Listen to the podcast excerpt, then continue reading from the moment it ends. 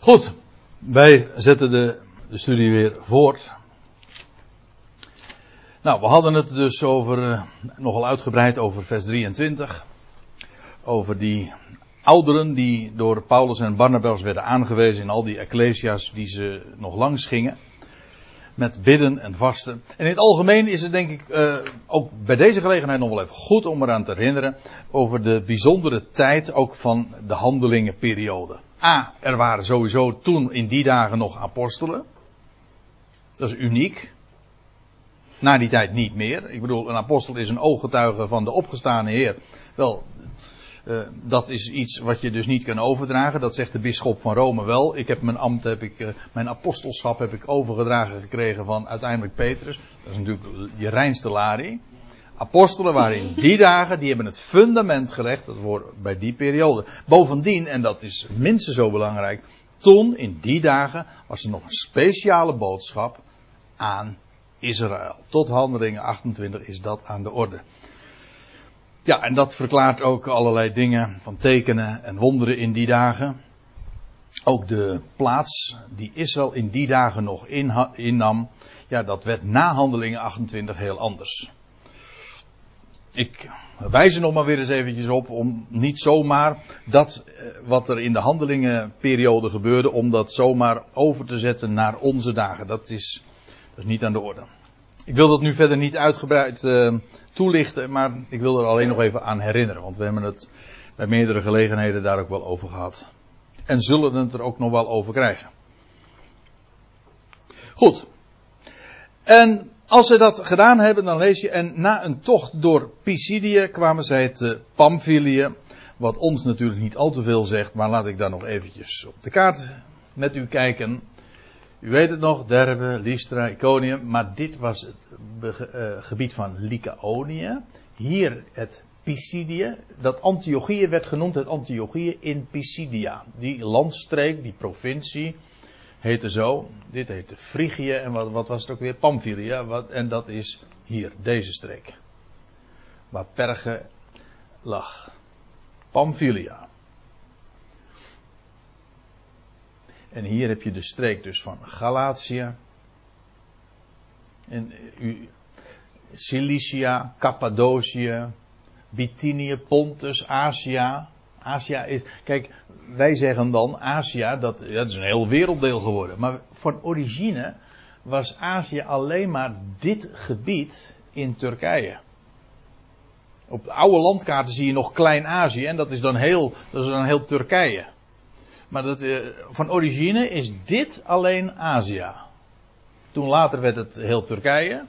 En nog weer later werd het een heel werelddeel. Het grootste werelddeel dat we op de aarde kennen. Zo zie je hoe begrippen uh, een, in betekenis kunnen verschuiven. Maar al die gebieden die we hier zo vinden, die, en trouwens ook allerlei plaatsnamen, eilanden, komen we in het, met name in de boek Handelingen nog tegen. En zij spraken het woord te pergen. Nou, u ziet het hier, pergen. En trokken naar Atalia. Oh, wacht even, trouwens, pergen. Uh, op de heenreis hebben we in Handelingen 13, vers 13 nog gelezen dat Johannes Marcus, u weet wel, dat was die neef van Barnabas, had hen verlaten. Maar en nu zijn ze weer teruggekomen in Perg. En ze spraken het woord. En het woord is uiteraard het woord van God. Ze spraken dat daar te Pergen en ze trokken naar Atalia. U ziet, zij trokken naar, dat staat in de vertaling. Maar in werkelijkheid staat er nog wat uh, specifieker. Ze daalden af. Dat betekent dus, het was niet alleen maar een, een heen gaan naar. Nee, het was een afdaling. Logisch, want het was namelijk naar de lager gelegen havenstad. Ze bevonden zich dus in het gebergte en ze, gingen, ze daalden af naar Atalia. En tegenwoordig, het is een bekende, hele bekende stad, hè? Atalia. Alleen tegenwoordig heet het Atalanya. Uh, Atalia, sorry. Antalya. Ik zeg nou heel bekend. Uh, maar in ieder geval, het is een grote kustplaats. Grote badplaats. Heel populair. Ik heb er juist nog eventjes een paar plaatjes van uh, geschoten. Om u even lekker te maken. Jij gaat volgende week, uh, zo vertelde je toch naar. Niet net iets. Nee, wat, wat was het weer? Nee, niks. Oh ja, maar dat is ook nice. Ja, dat is nice. Ja. Nice, maar dat is in Frankrijk. Maar goed, u ziet het. Dit is waar Paulus was. Alleen het zal er toen nog niet zo uit hebben gezien. Maar toen ook al, heb ik begrepen, was het een grote havenplaats, havenstad. Dus, uh, sprak het woord te pergen en daalde af naar Atalia. En vandaar voeren zij naar Antiochia. Kijk, en dan zie je hoe belangrijk het is om de Antiochiërs wel even uit elkaar te houden. Want nog één, twee versen eerder zagen we Antiochia, was dat, was dat die plaats die hier ergens lag. Maar nu staat er, ze kwamen dus naar Atalia, dat is een havenstad. En staat er, en vandaar voeren zij dus per schip naar Antiochia. Hier, dit Antiochia. Dat was in die dagen, ik heb het toen, ik heb het al, meerdere keren gezegd, het was de derde wereldstad eh, ten tijde van de eerste eeuw. Dat Rome, wat was nog meer? Alexandrië. Zeg ik het goed? Ja. En Antiochië. was een geweldige grote stad. Nou, van daaruit was de reis van Paulus ook en Barnabas begonnen vanuit dit Antiochië. Alleen op de heenreis zijn ze toen via Cyprus gegaan. We hebben het daar allemaal over gehad. Ik weet niet hoe vers dat allemaal nog in uw geheugen ligt. Maar toen waren ze zo via het eiland Cyprus. Trouwens, daar kwam Barnabas vandaan. Van Cyprus. Toen waren ze in Pavos en hier werd, hier werd Paulus, Saulus, Paulus. Dat was hier. En toen zijn ze vervolgens zo gegaan. En nu zijn ze weer op terugreis. En dan gaan ze weer, voeren ze naar Antiochië terug. En men noemt dit daarom ook de eerste zendingsreis van Paulus. Vanuit Antiochië is hij zo uh, actief geweest en hebben ze die reis ondernomen. En nu zijn ze weer terug.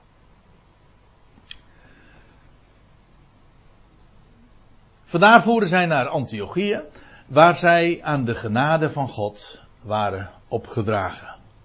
Even dit, aan de, is prachtig, aan de genade van God.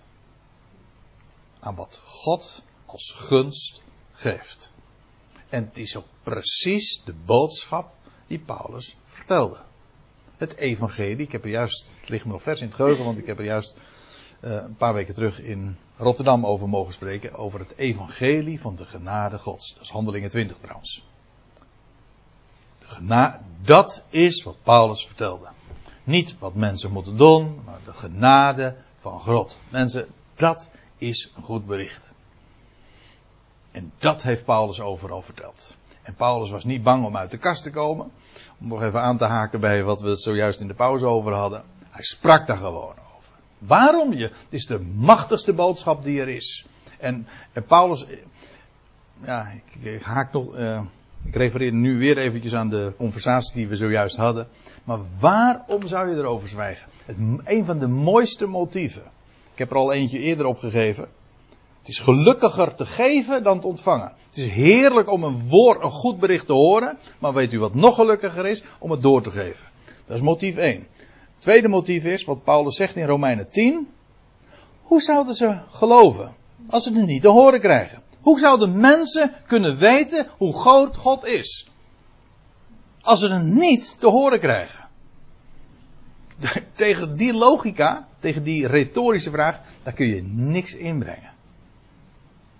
En je kunt natuurlijk altijd zeggen, ja, maar goed, als ik het vertel, dan uh, zijn er, is er geheid een categorie die me met de nek aankijkt. Of die me miskent, of die me gaat uitschelden, of die me belachelijk gaat maken. Reken daarop Absoluut.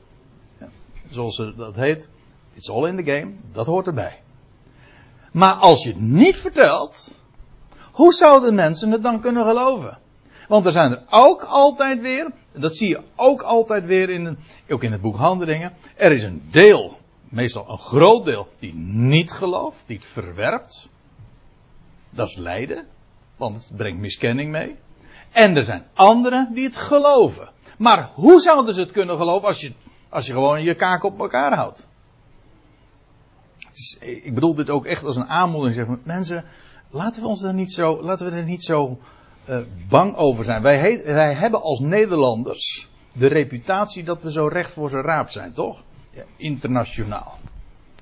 Maar ik, als ik het over deze dingen heb, dan heb ik daar echt mijn twijfels over. Wij zijn eigenlijk verschrikkelijk bang. Dus we zijn hier in het Westen, in West-Europa, zo bang om te spreken over God. Want dat mag niet ter sprake, want dat is puur privé. En mensen zouden er toch eens achter komen dat je gelooft, dat je, dat je hem de eer geeft. Dat je opkomt voor zijn woord. Nou, zo dapper zijn we niet hoor. Nou, we hadden het dus over die streken waar, hè, in Afrika. Daar zeggen ze het gewoon. En ik, ik heb daar diep respect voor. En ik vind dat is, uh, dat is geweldig. Als je daarvoor uitkomt. Genade van God. Nou ja. Waar zij aan de genade van God waren opgedragen. Trouwens, hier staat opgedragen in de vertaling, maar hier staat letterlijk overgeleverd. U ziet het, hè? Overgeleverd zijn. Het is exact hetzelfde woord wat ook heel dikwijls gebruikt wordt in de Evangelie. Als het bijvoorbeeld gaat over Jezus werd overgeleverd door Judas aan het Sanhedrin. Door het Sanhedrin werd hij vervolgens overgeleverd aan Pilatus. Dat wil zeggen, het betekent uit handen geven. Dus het is meer dan op, opdragen aan. Het is, het is uitleveren aan. Zo, als je iets, als je iemand overlevert, dan wil zeggen, dat wil zeggen, je geeft hem het uit handen. Je, het is niet meer van jou, het is nu een zaak van de ander. Wel, aan wie hadden ze het uitgeleverd of overgeleverd? Aan de genade van God. Nou, dat zit je goed.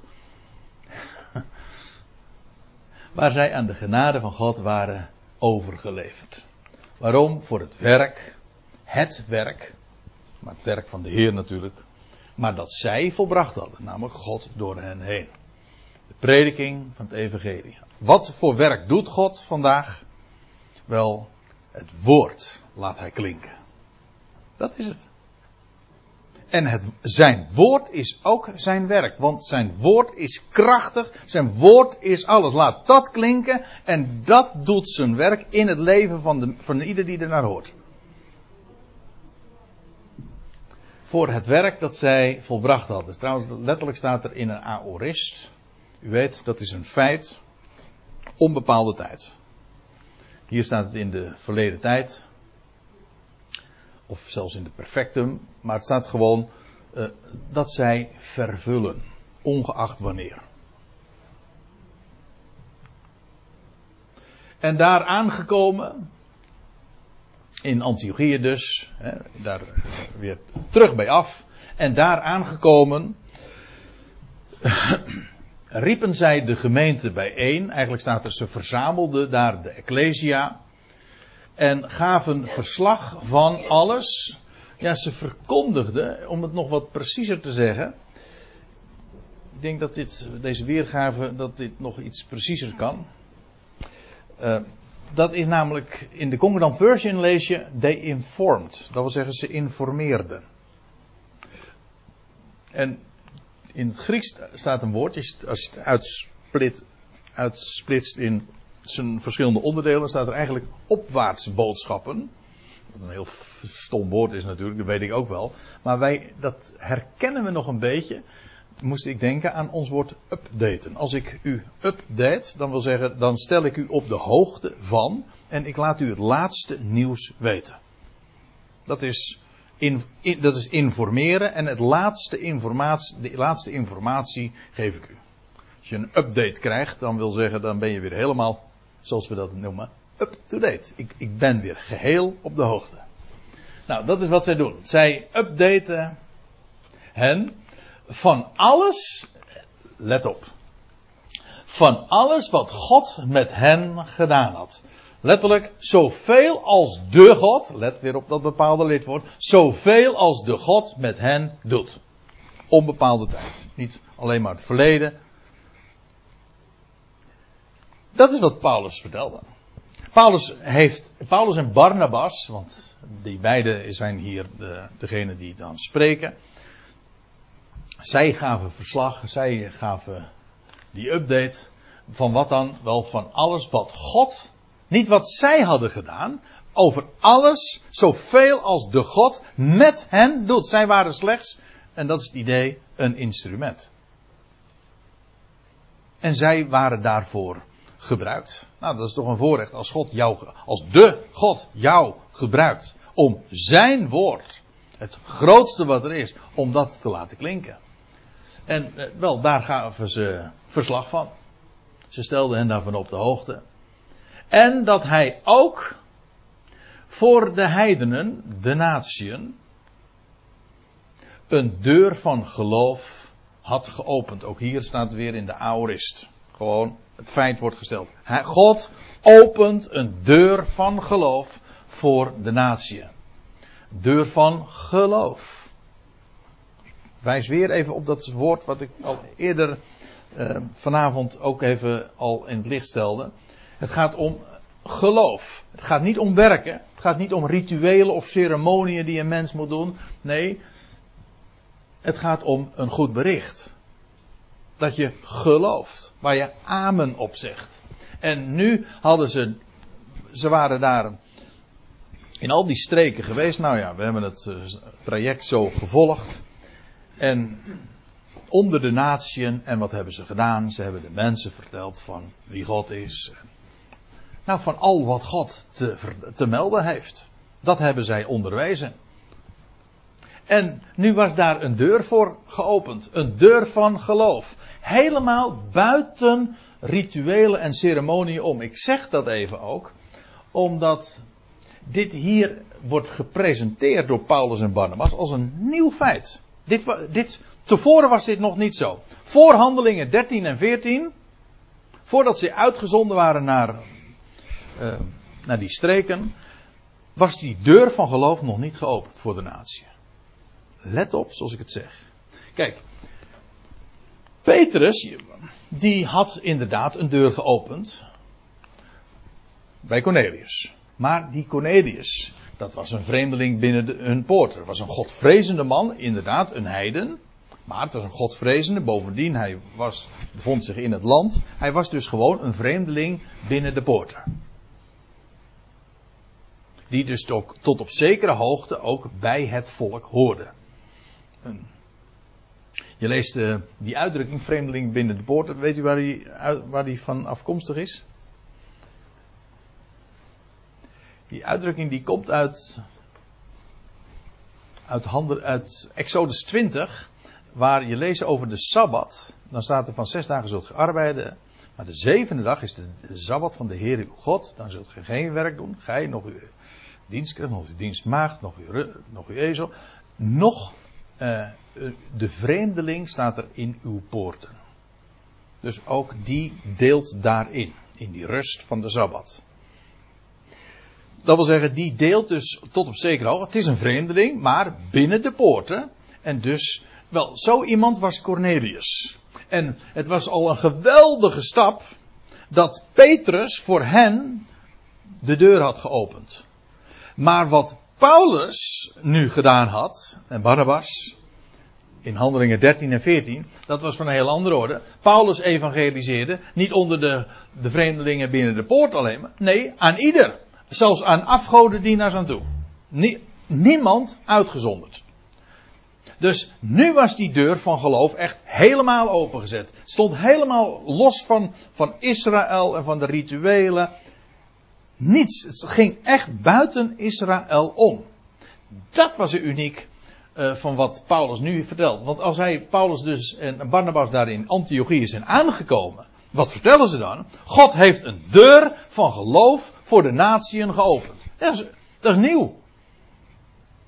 Dat was nieuw, dat wil zeggen, hij die deur stond nu wagenwijd open. Petrus had hem alleen maar uh, op een kier gezet, zeg maar. Voor een vreemdeling binnen de poort en voor de rest is Petrus gewoon verder gegaan met het evangelie te vertellen onder de besnijdenis. Dat was zijn bediening ook. Maar het is Paulus die naar de natieën gaat, ongeacht naar wie dan ook, en het goede bericht doorgeeft. En wel, daar heeft hij in Antiochië enthousiast over verteld. Dat God voor de natieën een deur van geloof had geopend. Echt met recht dus helemaal openzet. Niemand uitgezonderd. Kijk, dat was bij Petrus nog helemaal niet aan de orde. Dus vandaar ook, en dit is een nieuw feit dat tot tevoren onbekend was. En dit is heel belangrijk. Want als die deur van geloof hier wordt als zij verhalen over die deur van geloof die geopend is, wat er gebeurt, is dat er meteen weer mensen komen die die deur van geloof willen sluiten. En daar gaan we het in Handelingen 15 inderdaad over hebben. Maar eerst nog even dit. Uh, zij vertoefde, staat er dan, zij, Paulus, Barnabas, daar, in Antiochië dus, geruime tijd. En het is zelfs zo dat als zij nu een, en dat zullen we het de volgende keer over gaan hebben, als zij dan in, naar Jeruzalem toe gaan, en zoals dat in Handelingen 15 wordt vermeld, dan is dat eigenlijk alleen maar een, een intermezzo, want vervolgens lees je dat ze in, in hoofdstuk 15, vers 35, lees je dat ze weer terugkeren naar Antiochië. En wat staat er dan? En Paulus en Barnabas bleven te Antiochië. En ze leerden en ze verkondigden met vele anderen het woord van de Heer. Ook hier weer, ze vertoefden daar geruimd met de discipelen. En al het loutere feit dat ze discipelen genoemd worden, betekent dus dat wat er gebeurde, er werd onderwijs gegeven. Er werd geleerd. Ze waren in een leerschool.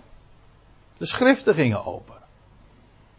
Dat is eigenlijk ook wat precies de Ecclesia is. Het is een plaats waar onderwijs gegeven wordt. Dat is waar de schriften open gaan.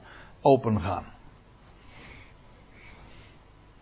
Ik weet dat er uh, voor heel wat andere geluiden ook klinken. Van ja, dat moet, uh, het is allemaal vertier en er moet uh, gezongen worden. En weet ik, dat is allemaal prima hoor, daar gaat het niet om. Maar het meest wezenlijke wat er plaatsvindt is dat er de schriften opengaan en dat er inderdaad onderwijs plaatsvindt.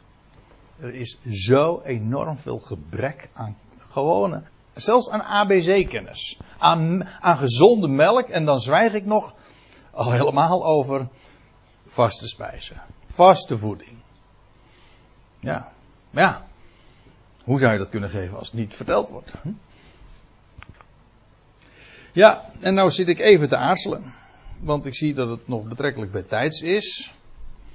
En ik heb wel nog heel wat dia's, maar in handelingen 15, want we zijn nu, ziet u hier, eh, in handelingen 15 vers 1 aangekomen. En daar zou ik daarover kunnen gaan spreken, maar eigenlijk is dat een heel nieuw gedeelte. Dus, wat zegt u? Zullen we hier gewoon nu nog even verder mee gaan? Of zullen we dat de volgende keer doen? Prima. Uh, ja, handelingen 15. Dus uh, daar zullen we inderdaad ook uh, wel wat langer weer bij stil gaan staan. Omdat daar ook dingen besproken, kwesties besproken worden. En we zullen zien hoe enorm actueel dat is. Dat wat hier in handelingen 15 aan de orde komt. Over die vraag van waar gelovigen zich aan zouden houden. En of de gelovigen uit de natieën zich zouden moeten onderwerpen aan de wet en dat soort dingen. Dat is, wordt allemaal ter sprake gebracht in dat hoofdstuk. Dus daar moeten we zeker maar eens uh, uitgebreid bij stil gaan staan. Maar dat doen we dan inderdaad een volgende keer.